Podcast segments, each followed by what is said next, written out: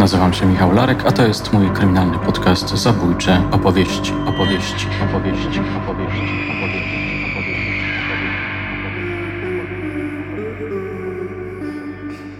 Moje drogie, moi drodzy, zabójcze opowieści obchodzą czwarte urodziny.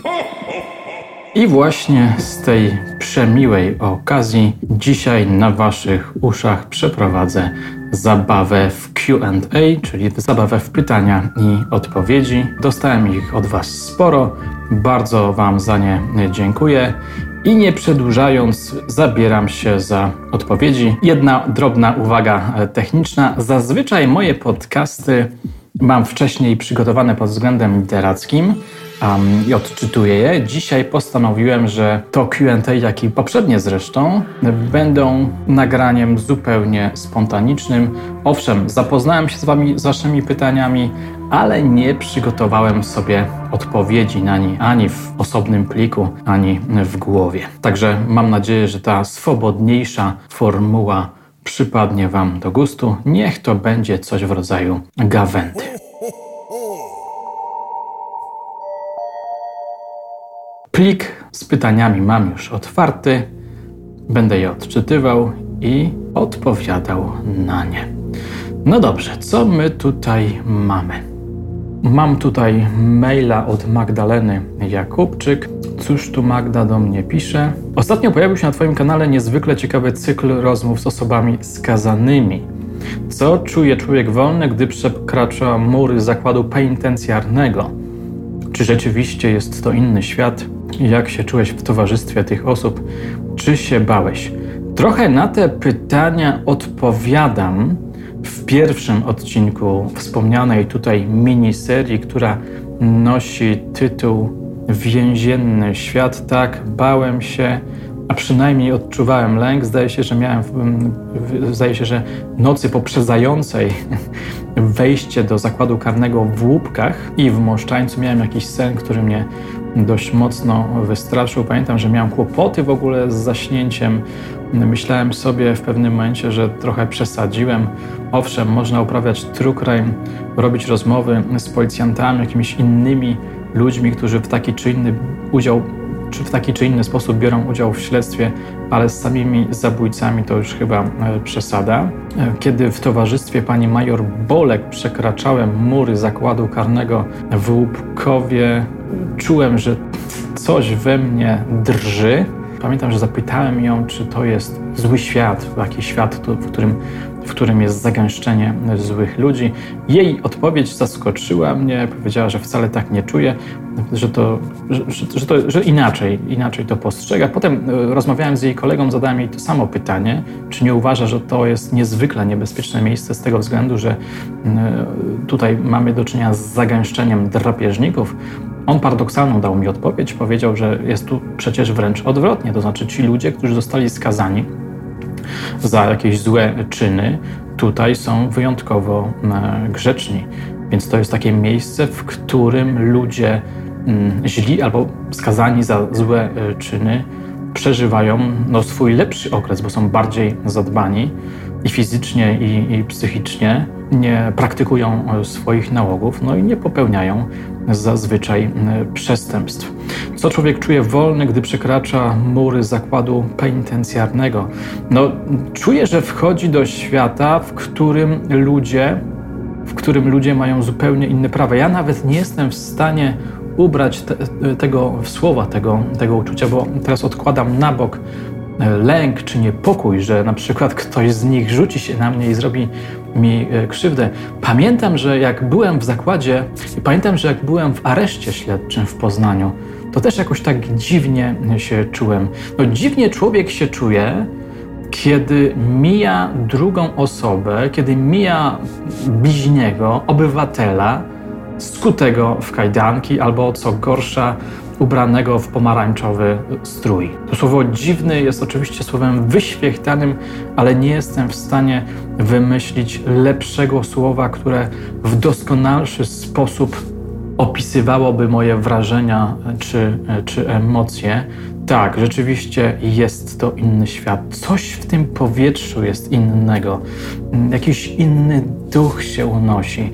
Kiedy spoglądasz na skazanego, szczególnie na zabójcę, patrzysz na niego nie jak na cudzysłów normalnego człowieka, tylko patrzysz i zastanawiasz się, czy on jest naprawdę zły, albo jeszcze inaczej, patrzysz na niego i zastanawiasz się, czy to jest cudzysłów, nie wiem, drapieżnik, zwierzę, bestia, która wykorzysta moment nieuwagi i rzuci się na ciebie. Oczywiście są niekiedy takie, to są takie dramatyczne myśli niekiedy, nieuprawomocnione, ale one się jednak e, pojawiają. Nie wiem, jak lepiej odpowiedzieć na te wszystkie pytania. Czy rozmowy z psychologami, którzy zajmują się pracą ze skazanymi, zmieniły jakoś Twój pogląd na kwestie e, zbrodni?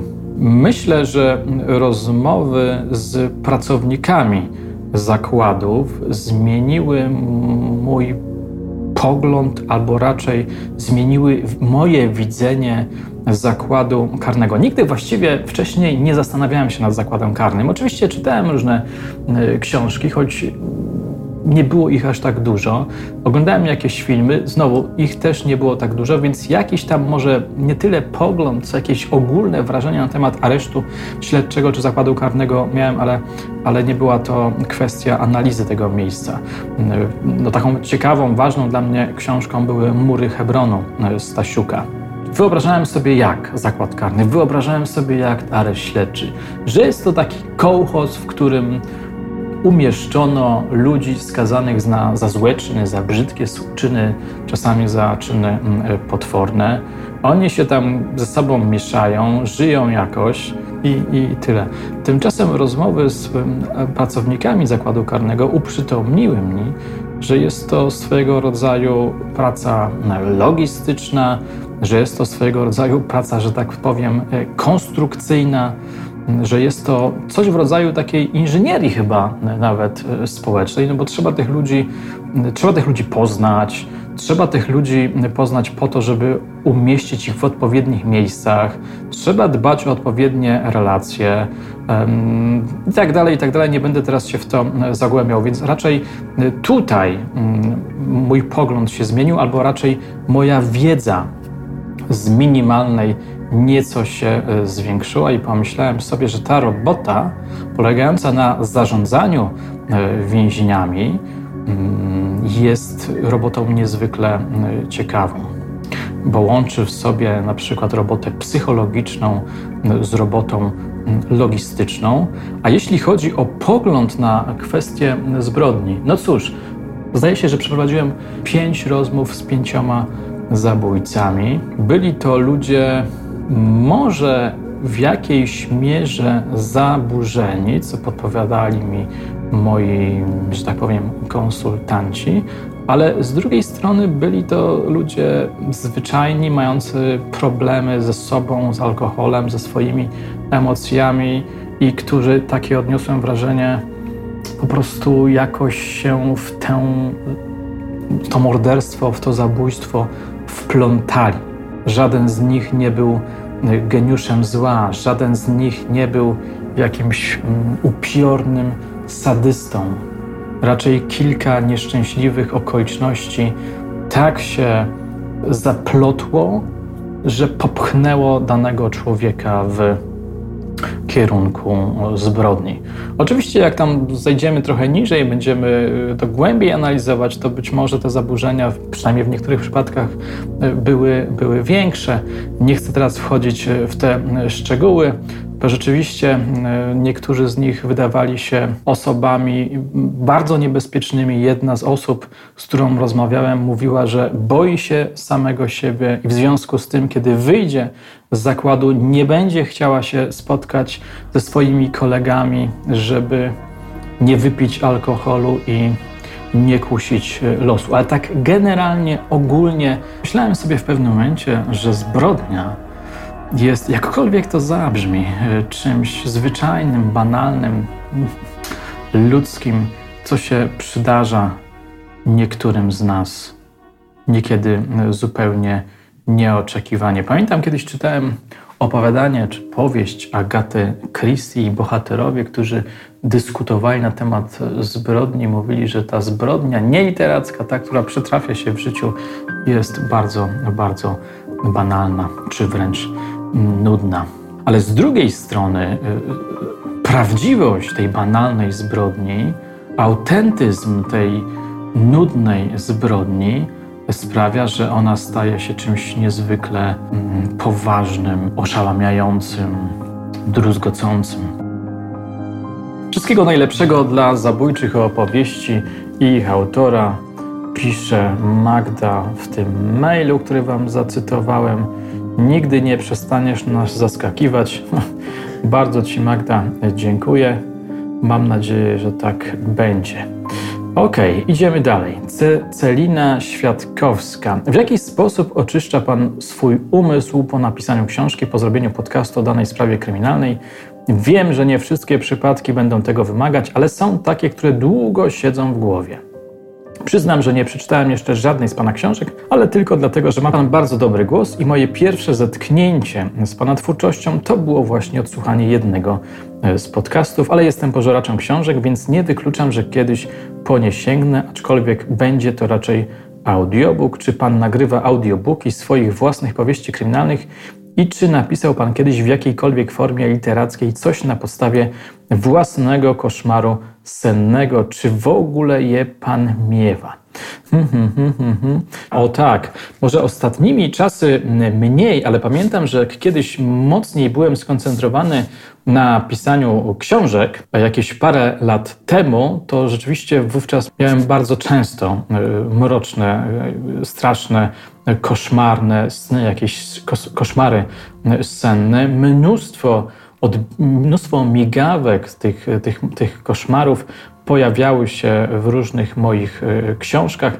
Nawet w ostatniej powieści Nienawiść pojawiają się, pojawiają się sny które jakoś tam nawiązują do mojego, do mojego życia. Nie będę oczywiście wskazywał, które, ale tak, tak jest. Więc tak, miewam sny, miewam sny i niekiedy sny są ważne w mojej powieści. No, zatrzymam się na chwilę przy nienawiści.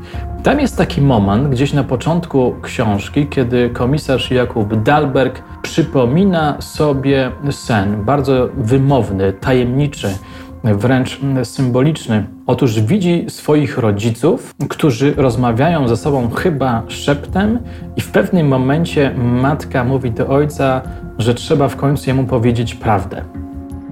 I kiedy pisałem ten sen, słuchając soundtracku z miasteczka Twin Peaks, to był sen mocno E, inspirowany również e, miasteczkiem Twin Peaks Davida Lyncha, to myślałem sobie, że ten sen może później okazać się bardzo ważny. W drugim tomie okaże się, że ten sen rzeczywiście był niezwykle istotny i coś ważnego podpowiadał bohaterowi. Znaczy, podpowiadał bohaterowi, że jego rodzice, albo przynajmniej niektóre, jedno z nich e, ma jakiś mroczny sekret. W drugim tomie ten sekret wychodzi na jaw. Tym samym zachęcam Was, żebyście przeczytali Nienawiść, jeśli jeszcze tego nie robiliście. Audiobook, audiobooki. Moje powieści są nagrane w audiobookach. Ja sam nigdy całej powieści nie nagrałem w formie audiobooka. Uważam, że nie jestem tutaj fachowcem, profesjonalistą. Owszem, jakieś fragmenty nagrywałem, możecie je znaleźć w różnych podcastach, no ale nagranie całej powieści chyba by póki co przekraczało moje możliwości, ale myślę sobie o tym, żeby nagrać audiobooka mm, powieści, y, którą napisał mój zaprzyjaźniony stary szkieł, stary oficer. Tak się do tego zabieram. Myślę, że za jakiś czas, mm, myślę, że za jakiś czas to w końcu zrobię. Ale a propos audiobooków, parę tygodni temu z Maciejem Szymczakiem, którego mogliście słyszeć w, w, poprzednich podcastach. Razem z Maciejem Szymczakiem nagraliśmy, napisaliśmy opowiadanie, napisaliśmy wspólnie opowiadanie, które niebawem wyjdzie w formie audiobooka. Lektorem jest Jakub Kamieński. Tutaj może jeszcze dodam, że to, to opowiadanko Śmierć z zagrobu, z zaduszki jest y, czymś, co zaczyna całą serię opowiadań. Ta seria nosi tytuł Święta z trupami. Mhm, dziękuję za komplement, dobry głos. No, jak oczyszczam swój umysł po napisaniu książki. Jeśli chodzi o pisanie książek teraz, obecnie, to mój umysł sam się oczyszcza. Oczyszcza się samoistnie, ponieważ ja mm, piszę powieści, pracuję nad powieścią teraz bardzo wcześnie rano. Wstaję mniej więcej o piątej, czasami e, o piątej, czasami paręnaście minut po piątej. Czytam sobie coś po angielsku i potem przez jakieś dwie, trzy godziny pracuję nad powieścią. Więc to jest początek dnia, kiedy jeszcze panuje e, ciemność, ale ta ciemność potem jest rozpraszana i te wszystkie złe myśli rozpraszają się wraz ze świtem. Potem zabieram się do różnych innych rzeczy, także podcastów, nie, ale nie tylko, więc ten umysł no, oczyszcza się mm, dzięki temu, że dzień jest energiczny, dynamiczny, że w ciągu dnia robi się dużo różnych rzeczy, wychodzi się mm, z domu, zajmuje się takimi bardziej przyziemnymi y, rzeczami związanymi także z prowadzeniem własnej y, działalności. Ale jeśli chodzi o true crime, no podcastowy, bo mm, true crime głównie uprawiam teraz w ramach kanału Zabójcze Opowieści, czyli w ramach tworzenia podcastu, to muszę przyznać, że coraz bardziej mój umysł jest zmęczony tymi e, historiami, tymi, tymi sprawami. Oczywiście nie tak jak e, policjanci, którzy w pewnym momencie dochodzą do wniosku, że się zmęczyli że ich, na przykład jak to było, jak to było w przypadku Romana Wojtyniaka, majora, majora Romana Wojtyniaka, że ich psyche zostało nadwyrężone. Tak mocno nie, ale powoli czuję jakieś no, zmęczenie materiału, mówiąc naj, najogólniej. Coraz częściej sięgam po e, filmy i seriale, które niewiele mają wspólnego z intrygą e, kryminalną. Sam raz na jakiś czas mam jakiś pomysł, żeby napisać coś, co nie jest e, kryminalne. Kto wie, czy na przykład ten czwarty rok działalności zabójczych opowieści nie będzie ostatnim, ostatnim rokiem. Być może zajmę się opowiadaniem historii innego, innego rodzaju. Ok, myślę, że odpowiedziałem na każde z pytań zawartych w tej wiadomości. Schodzę troszkę niżej. Czy jako posiadacz wspaniałego głosu, bardzo dziękuję Irenie, musisz o niego jakoś specjalnie dbać? Jakieś ćwiczenia, czy na przykład, na przykład herbatki na gardło? Osobiście wyznam, że w Pana wykonaniu słuchałabym nawet programu TV.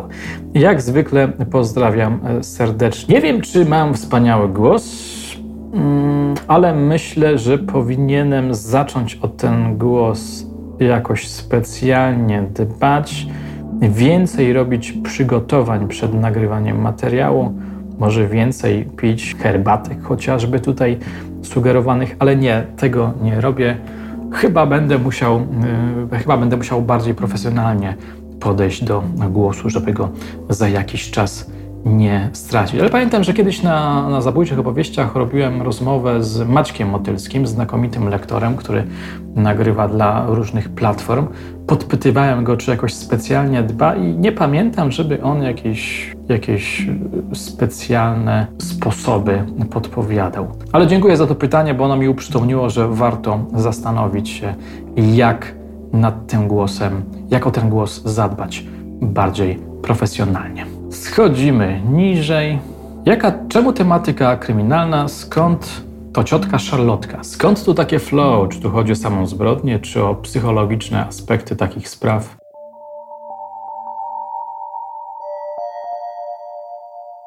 Czemu tematyka kryminalna? No dlatego, że od wszystko od kryminału się e, zaczęło. Może parę zdań historii, troszkę, troszkę już o niej mówiłem tu i tam, ale, ale pewnie ciągle pojawiają się nowe słuchaczki, nowi słuchacze, którzy tego nie wiedzą. Otóż w ogóle do nagrywania podcastów namówił mnie Marcin Myszka. E, lecieliśmy któregoś razu samolotem do Londynu na pokaz e, pierwszego odcinka jakiegoś tam serialu true crime'owego właśnie. Ja wtedy byłem autorem, zdaje się, dwóch książek, Martwych Ciał, reportażu o Edmundzie Klonowskim, którą to książkę napisałem we współpracy z mecenasem Waldemarem Ciszakiem. Miałem też chyba na koncie z tym samym przyjacielem książkę będącą takim miksem reportażu i powieści o Tadeuszu Kwaśniaku, innym seryjnym zabójcy. I on y, zasugerował mi, że żebym spróbował nagrywać y, podcasty. Wystąpiłem kiedyś u niego w dokumencie poświęconym y, Kolanowskiego, Kolanowskiemu. Mówił, że mam niezły głos, że widzowie nie narzekali na, na, na, na, na ten mój głos. Dodawał, że niebawem będzie boom na podcasty, a to był, to był 2018 rok, jeśli dobrze pamiętam, więc miał tutaj rację. No i poszedłem za jego e, poradą, zacząłem nagrywać te podcasty. Więc e, czemu tematyka kryminalna? No, innej opcji nie było. To było jakby założenie, żeby nagrywać podcasty, które będą rozwinięciem moich zainteresowań kryminalnych. Czy chodzi o samą zbrodnię, czy o psychologi psychologiczne aspekty takich e, spraw? Wtedy tak naprawdę to e, chodziło mi o, o działania policjantów, bo pracując nad Kolanowskim i nad Kwaśniakiem, zacząłem poznawać coraz to, to, coraz to nowych, kolejnych funkcjonariuszy milicji, policji, oficerów milicji, policji. Zaintrygowała mnie ta robota. W pewnym momencie pojawił się pomysł, żeby stworzyć serię opowieści Starego Szkieła, w ramach których rejestrowałem wspomnienia właśnie opowieści e, starych oficerów. Ten świat mnie e, pochłonął, zaintrygował. Postanowiłem go w taki czy inny sposób jakoś udokumentować, upamiętnić, sprawić, żeby te opowieści starych e, oficerów nie zaginęły bezpowrotnie. Psychologiczne aspekty takich spraw też były istotne. No pamiętam, że e, kiedy myśmy pracowali nad Edmundem Kolanowskim, to pojawiały się wtedy takie myśli, że Kolanowski jest e, metaforą po prostu człowieka, czyli takiej istoty, która ma w sobie jakieś mroczne, wewnętrzne demony, w której głębi kłębią się, że tak powiem, jakieś mm, mordercze pragnienia, instynkty. Niektórzy z nas, ludzi, niestety mają tego wewnętrznego potwora bardzo silnego i on wyzwala się i zaczyna działać na własną rękę. Trochę tak poetycko-filozoficznie to powiedziałem, ale, ale pamiętam, że pojawiły się e, takie, takie myśli, że generalnie opowieści o seryjnych zabójcach to są opowieści o ludzkich namiętnościach, nałogach, nad którymi w pewnym momencie ktoś traci kontrolę. No teraz czytam książkę Briana Mastersa. Brian Masters to, był, to jest odkrycie tego, tego roku. Brian Masters był intelektualistą brytyjskim zajmującym się literaturą, także francuską. Miał na koncie książkę o Molierze chociażby, o Albercie Camus. Pisał, zdaje się, o książętach teksty. No i w pewnym momencie zaintrygował go proces Denisa Nielsena. Ryan Masters, który jest teraz przede, przeze mnie czytany, pokazuje proces, w ramach którego Jeffrey Dahmer zaczyna się alienować z rzeczywistości i zanurzać w swoich krwawych, perwersyjnych, nienormalnych, aberracyjnych fantazjach. I to rzeczywiście coraz bardziej mnie interesuje. Więc początek raczej był związany z fascynacją pracą e, milicji, policji. Teraz chyba przechodzi to w zainteresowanie e, psychologią tego rodzaju spraw. Idziemy dalej. Katopczewska. Witam i serdecznie gratuluję czterech latek zabójczych opowieści. Bardzo, bardzo dziękuję. Moje pytanka. Skąd przyszła myśl o tworzeniu podcastów? Co lubi Pan robić w wolnym czasie? No właśnie przed chwilą odpowiedziałem, skąd wzięła się myśl o tworzeniu podcastów. Myśl o, pod, o tworzeniu podcastów przyszła do mnie ze strony mojego szacownego kolegi Marcina Myszki. Na szczęście tę myśl podłapałem, zacząłem regularnie, intensywnie pracować nad tym podcastem. No i myślę, że mm, całkiem niezła rzecz wyszła. Taka wielowątkowa opowieść tworzona przez e, oficerów, e, różnego rodzaju ekspertów, świadków itd., tak itd. Tak co Pan lubi robić w wolnym e, czasie? Właśnie, co ja lubię robić w wolnym czasie? Chodzić na siłownię, droga Pani. Lubię podróżować, czytać książki, oglądać seriale. A teraz, w związku z tym, że jestem strasznie zapracowany i mam bardzo mało wolnego czasu, lubię robić nic. Rzadko kiedy mogę to robić, ale robienie nic jest czymś wspaniałym. Kiedy miałem 18 lat, myślałem, że robienie nic oznacza męki piekielne. Tymczasem, kiedy mam już 44 lata, tak, tak, niestety, tyle latek na karku, to robienie nic jest po prostu niesamowitą rozkoszą. Idziemy dalej. Nie wiem, jak czytać to słówko. Dekupaż przy kawce kiedy zakiełkowała myśl, żeby zacząć tworzyć podcasty, to może skoro już właściwie o tej myśli, która się pojawiła pewnego dnia wysoko nad poziomem morza, może do, tej, do, te, do tego dodam, że było to mniej więcej w 2018 roku, ale mm, myśl o tworzeniu czy zajmowaniu się true crime'em, chociaż wtedy jeszcze tego słowa nie znałem, pojawiła się mniej więcej w 2011-2012 roku, bo właśnie wtedy w listopadzie 2011 roku spotkałem się z mecenasem Waldemarem Ciszakiem, moim mm, wujkiem, byłym e, prokuratorem, obecnie adwokatem. Zaczęliśmy sobie rozmawiać na różne tematy, ale w pewnym momencie ta rozmowa zaczęła ciążyć ku kwestią kryminalnym wpadliśmy na pomysł, żeby spotkać się z jego znajomym, który wydał książkę pod tytułem Policjant. Był nim Jerzy Jakubowski, którego znacie z różnych moich podcastów. Jeden z najbardziej popularnych wielkopolskich e, policjantów, najbardziej utytułowanych, utytułowanych z największym e, doświadczeniem.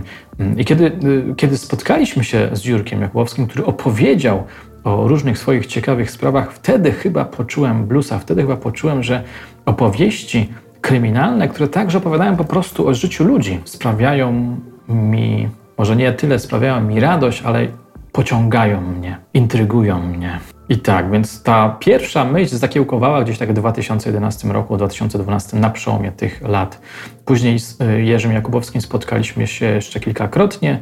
Na drugim albo na trzecim spotkaniu pojawił się pomysł, żeby napisać reportaż o sprawie Edmunda Kolanowskiego, śledztwo w tej sprawie prowadził właśnie Jakubowski. To znaczy od pewnego momentu, jak wiedzą wszyscy, którzy śledzą te moje podcasty od dawna. Co sprawia Ci większą satysfakcję? Pisanie kryminałów, czy tworzenie podcastów, czy jednak i to, i to? Nie jestem w stanie odpowiedzieć na to e, pytanie, chociaż mm, pisanie kryminałów, tworzenie powieści mm, ostatnio jakoś mniej mnie bawi nie mam jakiejś takiej przestrzeni psychicznej, żeby tak całkowicie się oddać e, pisaniu. Niekiedy mam wrażenie, że jest to mm, coś niepoważnego, że to jest jakieś zaledwie hobby, jakaś taka zabawa, która nie ma większego znaczenia. Kiedy, natomiast kiedy tworzę podcasty, odnoszę wrażenie, że siła rażenia tego rodzaju medium jest o wiele większa i w związku z tym ten format jest czymś poważniejszym. Są rzeczy, które lubię w pisaniu kryminałów. W pisaniu kryminałów lubię to, że można stworzyć swój własny świat. Owszem, u mnie on jest zawsze inspirowany tym, co, czego się dowiedziałem, co wyczytałem, co, o czym usłyszałem, ale to kreowanie swojego świata, budowanie postaci, wrzucanie tych postaci jest czymś, co rzeczywiście sprawia mi frajdę. Natomiast przy tworzeniu podcastów sprawia mi frajdę to, że ja dotykam faktów, dotykam emocji, którymi moi bohaterowie oplatają te fakty. W tworzeniu podcastów najbardziej chyba fascynuje mnie to, czy podoba mi się to, że mogę wynajdywać historie ludzi, nie tylko przestępców i ofiar, ale tych na przykład, którzy prowadzą śledztwo albo byli jakimś elementem tego śledztwa, że mogę właśnie te historie nieznane innym, czasami nawet prawie że w ogóle nieopisane, nieudokumentowane, mogę je odkryć i pokazać światu. Takie wyrywanie faktów czy opowieści o faktach bardzo, bardzo mnie intryguje. No i ten moment, kiedy, jak mam więcej trochę wolnego czasu, ten moment, kiedy bawię się dźwiękami. Czasami nawet ostatnio piszecie, że u mnie tych dźwięków tworzących klimat jest, jest więcej niż, niż kiedyś. I rzeczywiście, jak mam tylko, tak jak mówię, wolniejszą chwilkę, mogę trochę więcej czasu poświęcić na stworzenie podcastu, wtedy staram się trochę podłubać bardziej przy, przy dźwiękach. Ilona, to i ja dorzucę kilka pytań. Czy bycie pisarzem to było marzenie, e, to było Pana marzenie z dzieciństwa, czy przyszło to później i skąd się wzięło? Rzeczywiście chciałem być pisarzem jako malutki chłopiec. Tworzyłem opowieści, które opatrywałem swoim biogramem i miałem wrażenie, że jestem kimś, kto za chwilę zdobędzie sławę pisarza. Pisałem o krasnalach, pisałem o chomikach, w pewnym momencie nawet mm, zacząłem pisać książkę o kowbojach i Indianach, ale ojciec uprzytomnił mi, że jest to plagiat z Karola Maja. To znaczy, kiedy e, zaprezentowałem mu fragment takiej powieści westernowej, on zapytał, czy to ja sam napisałem. Powiedziałem, że sam, ale gdzieś tam w tyle głowy miałem wrażenie, że to jednak było odpisanie fragmentu, który znalazłem u Karola Maja. Wtedy jeszcze nie wiedziałem, że pisanie własnych książek, czy pisanie książek polega na tym, że się wymyśla swoje własne opowieści. Nie przyszło mi wtedy jeszcze do głowy, że przepisywanie to jest coś złego.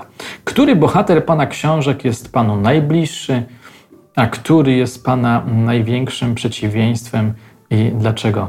W związku z tym, że ostatnio mniej piszę i rzadziej wracam do swoich książek, to na to pytanie jest mi trudniej odpowiedzieć, ale pewnie najbliższy jest mi Jakub Dalberg, komisarz Jakub Dalberg, główny bohater nienawiści, a to z tego powodu jest mi najbliższy, że ja teraz o, codziennie o poranku piszę drugą część tej trylogii. Dzisiaj też napisałem ze dwie e, stroniczki. Mój bohater, e, mojemu bohaterowi porwano córkę i on teraz musi wrócić do starej sprawy z 89 roku. Ten, kto porwał jego córkę, obiecał mu ją uwolnić, oddać, kiedy on wykryje prawdziwego sprawcę sprzed, sprawy sprzed lat. Więc tak bardziej niż kiedyś wnikam w jego myśli, w jego emocje. Być może ta książka będzie taką najbardziej psychologiczną moją książką. Siłą rzeczy zatem jest on mi najbliższy. Ta, ta, ta trylogia będzie taką opowieścią tyleż o sprawach kryminalnych, co o śledztwach w sprawach własnej rodziny, w sprawach własnej e, przeszłości. A który jest Pana największym przeciwieństwem i dlaczego? Nie mam pojęcia. Może ci brutalni, wulgarni gangsterzy z, z dekady, której to serii trzy tomy udało mi się napisać. Gdyby mógł Pan być bohaterem swojej książki, to której i dlaczego? O Boże, Ilona, zadałaś mi strasznie trudne pytania. Gdybym mógł być bohaterem swojej książki, to której i dlaczego? No właśnie myślę, że Jakub Dalberg jest ostatnio najbliższą mi fikcyjną postacią, którą stworzyłem. Jest mniej więcej w tym samym wieku i jeździ tym samym samochodem, słucha e, podobnej muzyki, więc e, być może najłatwiej byłoby mi się w niego wcielić, no i sprawdzić jako policjant. No jestem ciekawy, czy byłbym tak dobrym e, policjantem jak on. Z którym gościem pana podcastu rozmawiało się panu najciekawiej i dlaczego? O, na takie pytania, rzecz jasna, nie jestem w stanie odpowiedzieć i nawet nie chciałbym odpowiedzieć, żeby inni moi goście się nie, nie poobrażali. Większość moich gości była ciekawa, większość moich gości mnie i zaintrygowała, otworzyła mi oczy na różne e, sprawy. Z większością gości e, rozmawiało mi się, przebywało się z dużą satysfakcją, dużo sympatią. No, bardzo często spotykałem się z majorem e, Wojtyniakiem. Nawet parę tygodni temu byłem u niego, u jego żony na symbolicznej lampce wina i, i whisky, więc zawsze do niego lubię podejść, czy to po to, żeby nagrywać kolejną opowieść, czy po prostu, żeby tak sobie z nim pobyć. Więc to na pewno było takie, były to jedne z najbardziej sympatycznych, takich serdecznych e, spotkań. Mam wrażenie, że tak się troszeczkę e, zaprzyjaźniliśmy. No zawsze słucham z wielkim zainteresowaniem Jerzego Jakubowskiego. Nawet ostatnio do kogoś powiedziałem, że jednak Jerzy Jakub, po jakiejś rozmowie, ale z kimś innym, że jednak Jerzy Jakubowski to jest znakomity e, gawędziarz i potrafi wzbudzić emocje, ale także potrafi zadowolić, że tak powiem, swoim profesjonalizmem. E, wczoraj przez telefon rozmawia, rozmawiałem z kapitanem Czechanowskim, z nim też lubię rozmawiać.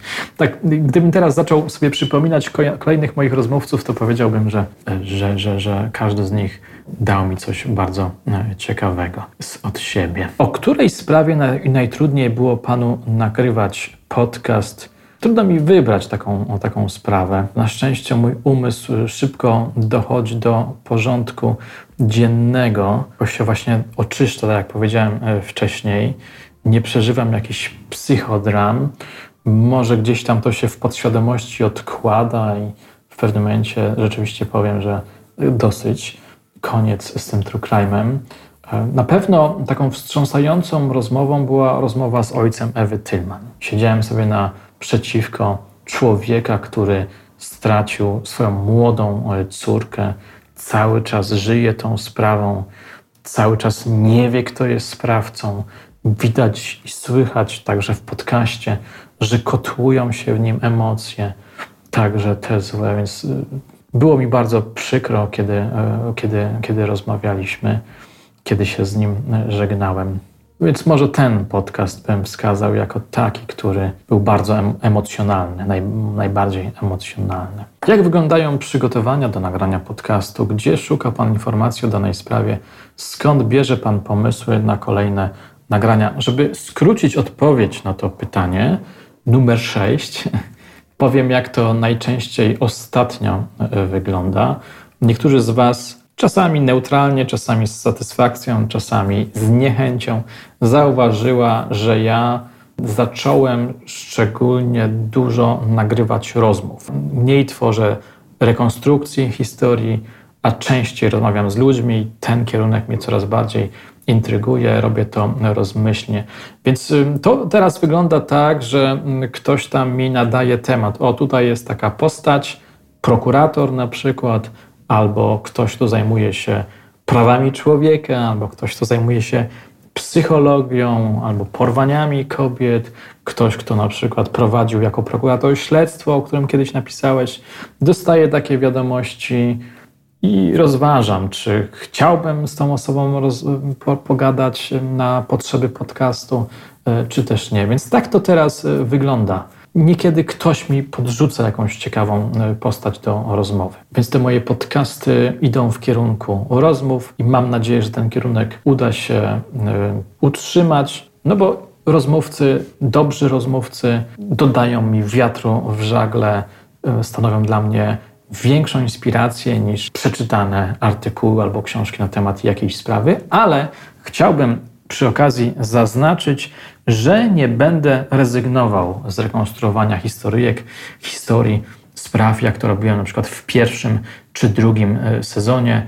Mam zamiar wrócić do e, spraw związanych ze Scotland Yardem. Chciałbym zacząć nagrać serię związaną z hollywoodzkimi sprawami. Trochę tych planów jest. Mam wrażenie, a przynajmniej, przynajmniej tak, mam wrażenie, że będę szedł dwutorowo. Z jednej strony kolejne sezony prezentujące rekonstrukcję spraw, a z drugiej strony to, co najbardziej mnie teraz, jak mówię, kręci, czyli rozmowę z tak zwanymi ciekawymi, wartościowymi osobami. Jedziemy dalej. Już chyba prawie godzinę rozmawiam sam ze sobą i poniekąd z wami. Trzeba będzie to powoli już ukrócić, żeby was za bardzo nie zanudzić. Wszelkiego dobrego oraz samych dalszych sukcesów, pisze Natalia. Ja miałabym kilka pytań. Ile czasu zajmuje napisanie e, książki? A widzisz, to się zmienia.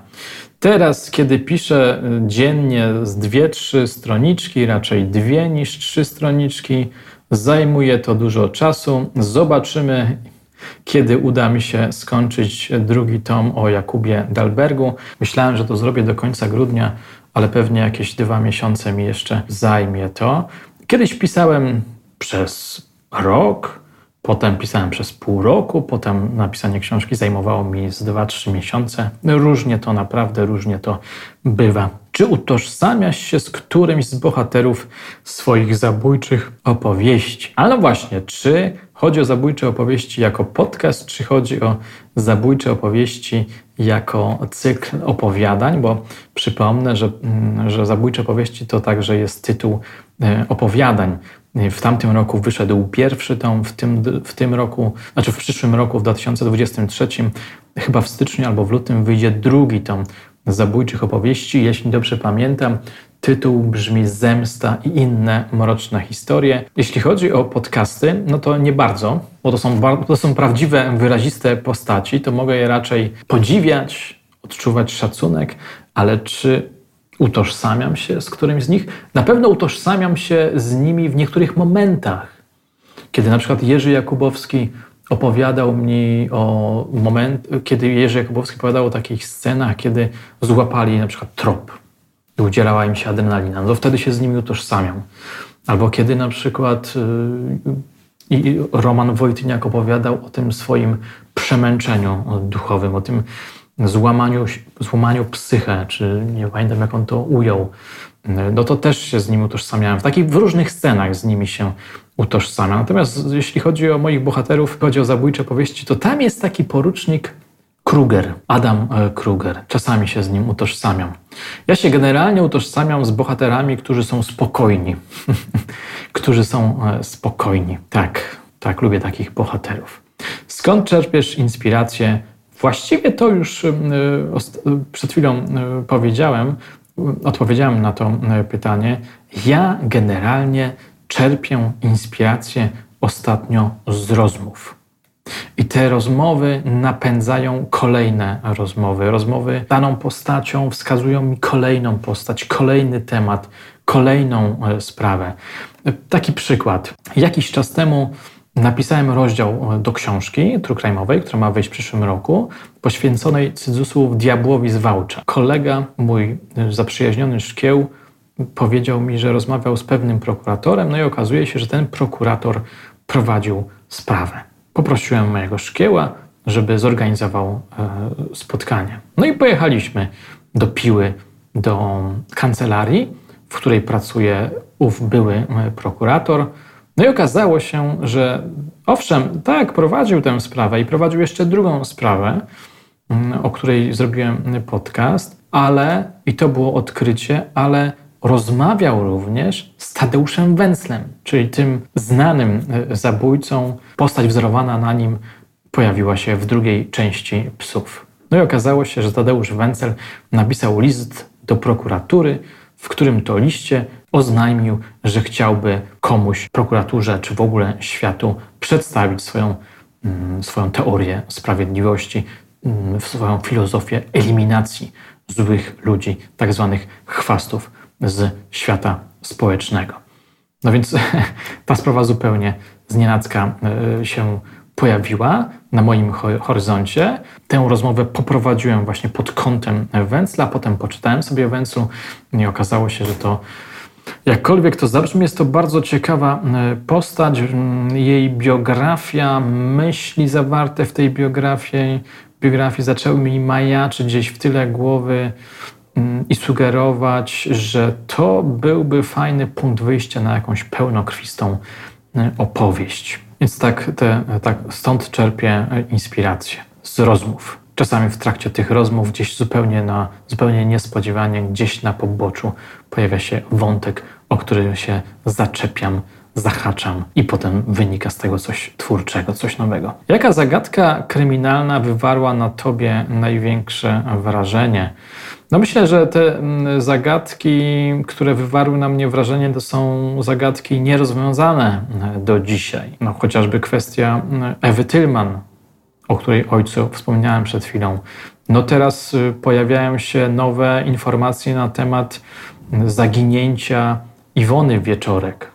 Pewnie ci, którzy mnie słuchają, już wiedzą, że nastąpiły chyba dwa zatrzymania, dwie osoby zatrzymano w związku z tą, z tą sprawą. Nie wiem, jak rozumieć tutaj zagadkę kryminalną. No, rozumiem, że zagadka kryminalna to jest e, takie zagadkowe śledztwo, które wymagało dużo pracy także nie wiem, analitycznej czy dedukcyjnej. Zagadka kryminalna to nie jest po prostu sprawa kryminalna, gdzie dzięki pracy operacyjnej identyfikujemy sprawcę, a potem go zatrzymamy. Chyba, że też tak należy rozumieć tę zagadkę kryminalną. Jeśli w taki bardziej uproszczony sposób, no to rzeczywiście, rzeczywiście sprawa Kolonowskiego wywarła na mnie największe wrażenie, no bo powtórzę, ona stanowi taką scenę początkową mojej peregrinacji tropami zabójców i policjantów, którzy ścigają tych tych, e, tych zabójców.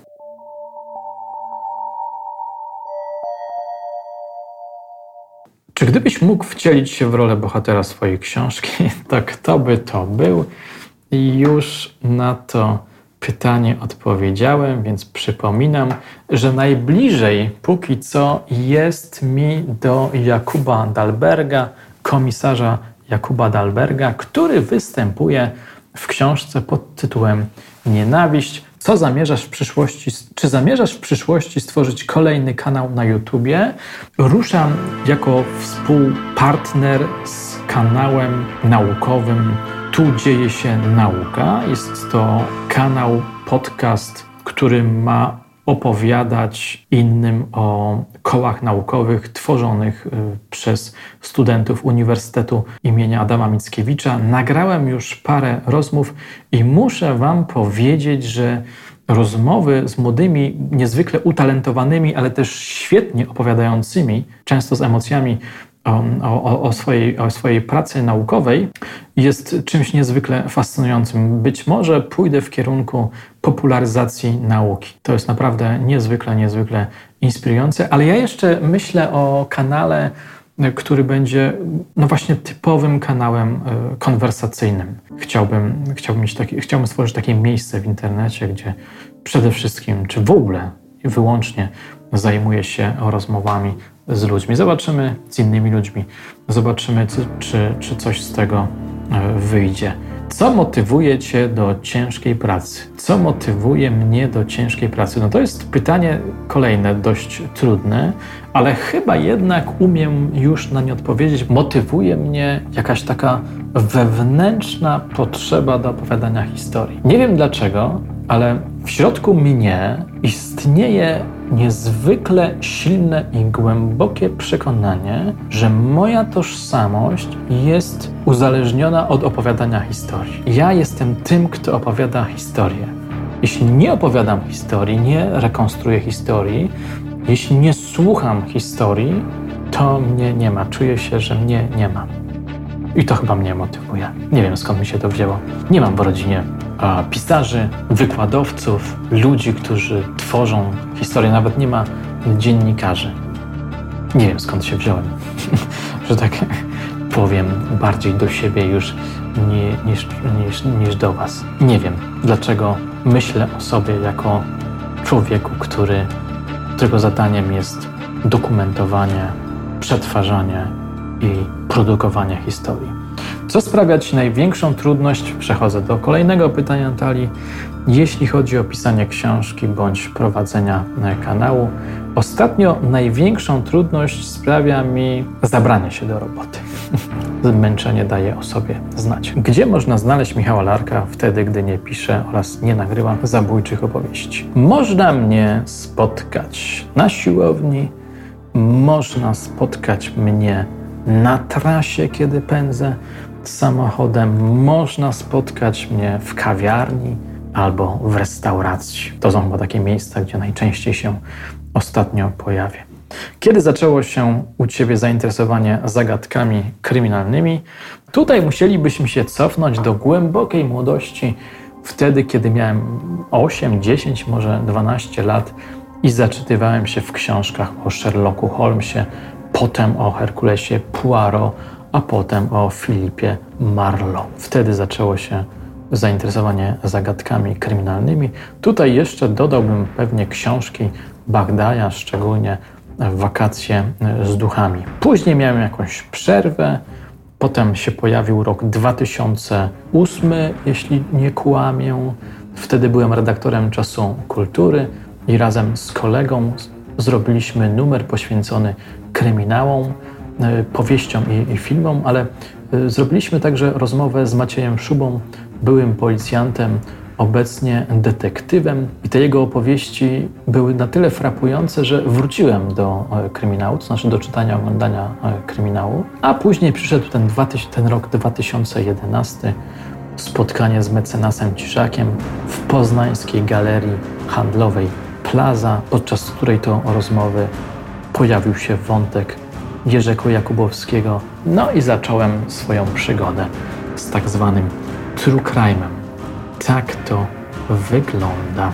Natalia zasypała mnie doprawdy pytaniami, e, jak radzić sobie z zastojem, jeśli chodzi o nagrywanie bądź pisanie. Kolejne trudne pytanie. Ja myślę, że jedyny sposób, taki, który działa w moim, e, w moim przypadku, to jest wyrobić sobie nawyk.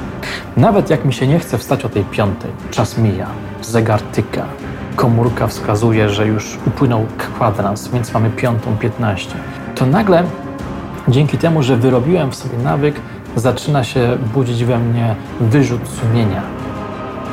Zaczyna się pojawiać pytanie, no dobra, no to co, będziesz teraz spał i nie wykonasz swojego planu? I myślę sobie wtedy, no nie, poleżę sobie jeszcze 5 minut i wstanę. No i rzeczywiście wstaję i zaczynam wykonywać ten plan. Zazwyczaj ja wykonuję swoje plany nieperfekcyjnie, nie w 100%. Zamiast wstać o 5, wstaję o 5.20. Zamiast pisać, pracować nad powieścią 2,5 godziny, pracuję na przykład godzinę albo pół, pół, półtorej godziny. Ale powtórzę, wyrobienie w sobie nawyku, czyli wyrobienie w sobie przeświadczenia, że tak trzeba, że inaczej nie można, sprawia, że jakoś ta praca idzie e, do przodu. U mnie to ma swoje mm, ujemne strony, bo ja jestem człowiekiem nawyków, na szczęście właśnie tego typu nawyków, a nie nałogów. I że jak na przykład wyrobię w sobie poczucie, że czytam książkę, tak jak teraz na przykład, Briana Mastersa o Damerze od 5 do 6, to nie potrafię sięgnąć po tę książkę na przykład o 18 czy 19. Mam wrażenie, że to nie jest pora na, na książkę. Więc takie są minusy. Jak się do czegoś przyzwyczaję, to nie potrafię tego tak łatwo przezwyciężyć. No ale innego sposobu na motywowanie się, na walkę z zastojem, z brakiem weny nie mam. Jaki jest aspekt powstawania książki, filmu, który lubisz najbardziej? To od razu odpowiadam, bo dla mnie jest to oczywista kwestia. Najbardziej lubię moment, kiedy rozmawiam z ludźmi, kiedy robię research, że tak powiem, konwersacyjny. Dla mnie to jest najpiękniejsza robota. Słuchać ludzi, nagrywać ich, robić notatki i planować sobie, jakie to niesamowite rzeczy zrobię z tych ich rozmów. A potem, kiedy muszę już zacząć pisać albo montować, to już nie jest takie ciekawe. Jest to nudne. Jaki typ spraw kryminalnych interesuje Ciebie najbardziej? I to jest już pytanie ostatnie Natalii. Zamilkłem, zajrzałem w głąb siebie, żeby znaleźć odpowiedź, i chyba nie potrafię odpowiedzieć na to pytanie. Najciekawszy typ spraw kryminalnych, prawdę mówiąc, znajduję u mojego ulubionego pisarza powieści szpiegowskich, a nie kryminalnych Johna Le Carre. Mm, otóż tam jest taki moment, taki mo moment, motyw w jego książkach tych starszych, gdzie występuje George Smiley, genialny szpieg, nie przypominający w ogóle Jamesa Bonda. Kiedy nagle ktoś znika, jakiś szpieg znika I zachodzi podejrzenie, że był kretym. Wtedy wkracza George Smiley. Zaczyna zanurzać się w biografii tego, który zniknął. Zaczyna rozbierać na części pierwsze biografię tego podejrzanego człowieka. I prowadzić takie, zaczyna prowadzić śledztwo w sumie biograficzne, którego celem jest między innymi odpowiedź na pytanie, co go mogło motywować do zdrady. I powiem szczerze, że ten typ spraw kryminalnych mnie interesuje najbardziej, czyli śledztwo w sprawie takich najgłębszych motywacji naszych czynów. Pozdrawiam serdecznie. Pisze Natalia, ja również pozdrawiam. Dziękuję za te pytania. I tu jeszcze mamy, zapomniałem imienia, CMO. Ja mam takie dwa pytania. Gdybyś mógł wybrać do wywiadu jednego z bohaterów Twoich zabójczych opowieści, umawiamy się, że czasoprzestrzeń i to, że ktoś nie żyje, nie gra tu roli, to kto by to był? I jakie trzy pytania chciałbyś mu zadać? Hmm, hmm, hmm. No to wtedy wróciłbym do, e, do bohaterów, którzy pojawiają się głównie w serii, w serii Dekada, nieskończonej serii Dekada, czyli do Harego i do Kati Domagały. Ta Katia Domagała jest o tyle dla mnie y, ciekawa, że ona się pojawia także w Nienawiści. Będzie też w kolejnych dwóch tomach. Na początku, w, w, w dekadzie, miała 20 par lat, była młodziutką policjantką, a teraz jest no, dojrzałą kobietą, szefową mojego głównego bohatera. O co bym chciał ich, o co bym chciał domagałe i Harego zapytać, prawdę mówiąc, nie wiem, ale ja przede wszystkim chciałbym znaleźć się w nimi, z nimi w jednym pomieszczeniu mm, i przyglądać się im uważnie. Jak się zachowują, jak patrzą na mnie, jak odpowiadają nawet na jakieś przypadkowe pytania, czy, czy, czy pytania o pogodę, e, jak są ubrani, gestykulacja, mimika. I dopiero gdybym przyjrzał się temu wszystkiemu, poczuł ich, zobaczył, jak reagują na mnie, wtedy pewnie, wtedy pewnie przyszłyby mi do głowy jakieś e, pytania. W biografii Harego, o czym jeszcze nikt nie wie, bo to się w ogóle nie pojawiło w książce, jest pewien mroczny sekret związany z jego ojcem. Ten sekret istnieje tylko póki co w mojej głowie, ale chciałbym o ten sekret go zapytać, bo to bardzo ważna, wstrząsająca i chyba zła rzecz. No dobrze. I drugie pytanie. Gdybyś mógł poznać zakończenie którejś z nierozwiązanych do tej pory spraw kryminalnych, która by to była e, sprawa? Żeby nie kombinować za bardzo, żeby nie wymyślać za bardzo, to nawiążę do tych dwóch spraw nierozwiązanych, o których przed chwilą e, wspomniałem, przed paroma minutami, czyli sprawa Ewy Tylman i sprawa Iwony Wieczorek. Ta sprawa Iwony Wieczorek o bardziej jest żywa dla mnie, że no, no coś się ruszyło w tej sprawie, że nastąpiły zatrzymania. I jestem bardzo ciekawy, czy ta osoba, którą teraz się typuje jako prawdopodobnego sprawcy, rzeczywiście stoi za tym zabójstwem. Najprawdopodobniej pewnie była to zwyczajna, banalna sprawa, no ale w związku z tym, że do dzisiaj, po, jeśli dobrze pamiętam, 12 latach nie znamy odpowiedzi, no to ona jest niezwykle paląca, podrażniająca nasze ośrodki e, ciekawości. I ostatni zestaw pytań, Kuropatwa. Jakie pozycje true crime literackie zrobiły na panu największe wrażenie w minionym roku? Mm, no cóż, w związku z tym, że bardzo dużo pisałem, nagrywałem, miałem mniej czasu na, na lekturę mm, książek, filmów i seriali, ale bez wahania podaję dwa tytuły: Flora Schreiber Anatomy of Psychosis. Wspomniałem tej, o, tej, o tej książce w podcaście poświęconym Josephowi Kalingerowi, bo to właśnie jest pozycja o Josephie Kalingerze. Znakomicie, bardzo y, precyzyjnie, y, plastycznie, niezwykle sugestywnie opisuje autorka proces formowania się zabójcy, seryjnego zabójcy, szalonego zabójcy. Podkreśla przy tym autorka ważność sceny z dzieciństwa. Teza sugeruje, że ta scena z dzieciństwa sprawiła, że Kalinger poszedł w bardzo złym kierunku. Jest to scena niesłychana, szalona sama w sobie, jakaś zupełnie wariacka. Rodzice Kalingera dokonali symbolicznej kastracji swojego przybranego syna. to wtedy właśnie został według Flory Schreiber uruchomiony zły e, proces. Przez całe swoje życie Kalinger miał się borykać e, z pozbawieniem przez rodziców swojej męskości. No i, no i druga książka, którą jeszcze e, czytam, książka Briana Mastersa, poświęcona Jeffreyowi Damerowi. Wspominałem troszkę o niej w zeszłym, w ostatnim podcaście. Prawdopodobnie jeszcze zrobię jeden odcinek poświęcony Damerowi, w ramach którego będę rekonstruował najważniejsze niezwykle pasjonujące, fascynujące fragmenty Briana Mastersa. To może jeszcze wspomnę o serialu, który znalazłem jakiś czas temu na stronie, na stronie, już nie pamiętam, czy to był HBO, czy to było HBO, czy to był Netflix, mini serial z 2020 roku Des, serial opowiadający o prawdziwej historii Denisa Nilsena, w którego wcielił się znakomity, naprawdę znakomity, znakomity David Tennant. Mm, ciekawostka, pojawia się tam również Jason Watkins, który gra Briana Mastersa. Brian Masters, słysząc pierwsze wiadomości o Denisie Nilsenie. Nie pamiętam, czy to był proces, czy jakieś wcześniejsze jeszcze momenty z jego e, sprawy. Zaczyna wykazywać ciekawość, no i w końcu postanawia porozmawiać z Nilsenem, czego konsekwencją jest fascynująca książka. Mam ją na stole Pewnie już niebawem się za nią za, za, zabiorę i stworzę osobny podcast. Czy planuje Pan nadal rozmowę z doktorem Bartoszem Bruchardem, czyli medykiem sądowym z poznańskiej medycyny sądowej? Tak, planuję, chciałbym ją przeprowadzić.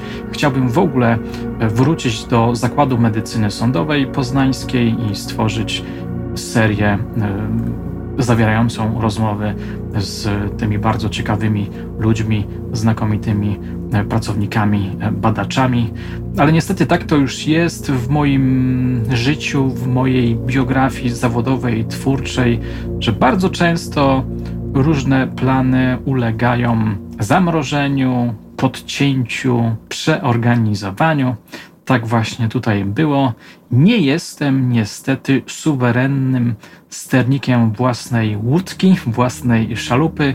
Moje życie to jest może, co prawda, niezbyt, niezbyt wzburzone, ale jednak dość kapryśne i nieprzewidywalne, ale koniec końców mam nadzieję, że do tego zakładu medycyny sądowej e, wrócę. 3. Myślał Pan może o rozmowie z entomologami z UAM? Może nie robili badań ala trupia farma, ale wiem, że były jakieś publikacje o owadach żerujących na zwłokach i jakieś badania chyba na ciałach świń. Nie myślałem, przyznam szczerze, nie planowałem, ale to jest bardzo e, ciekawy koncept. Pamiętam, że jak rozmawiałem z doktorem Kordelem z medycyny e, sądowej, on wspominał między innymi o badaczkach chyba związanych z genetyką, które zdaje się duży wkład wyniosły do sprawy e, komendy ale nie jestem pewien, czy to jest y, dokładna informacja, dokładne moje wspomnienie z tamtej, z tamtej rozmowy. Wspominałem jakiś czas temu w tym odcinku, że zabieram się za tworzenie podcastu naukowego, popularno-naukowego, który będzie zawierał rozmowy z młodymi badaczami czy z młodymi popularyzatorami nauk. Będę miał tam rozmowy z biologami, z chemikami, z prawnikami. Kto wie, może i z nimi uda się porozmawiać na, na tematy związane jakoś z, z true crime'em.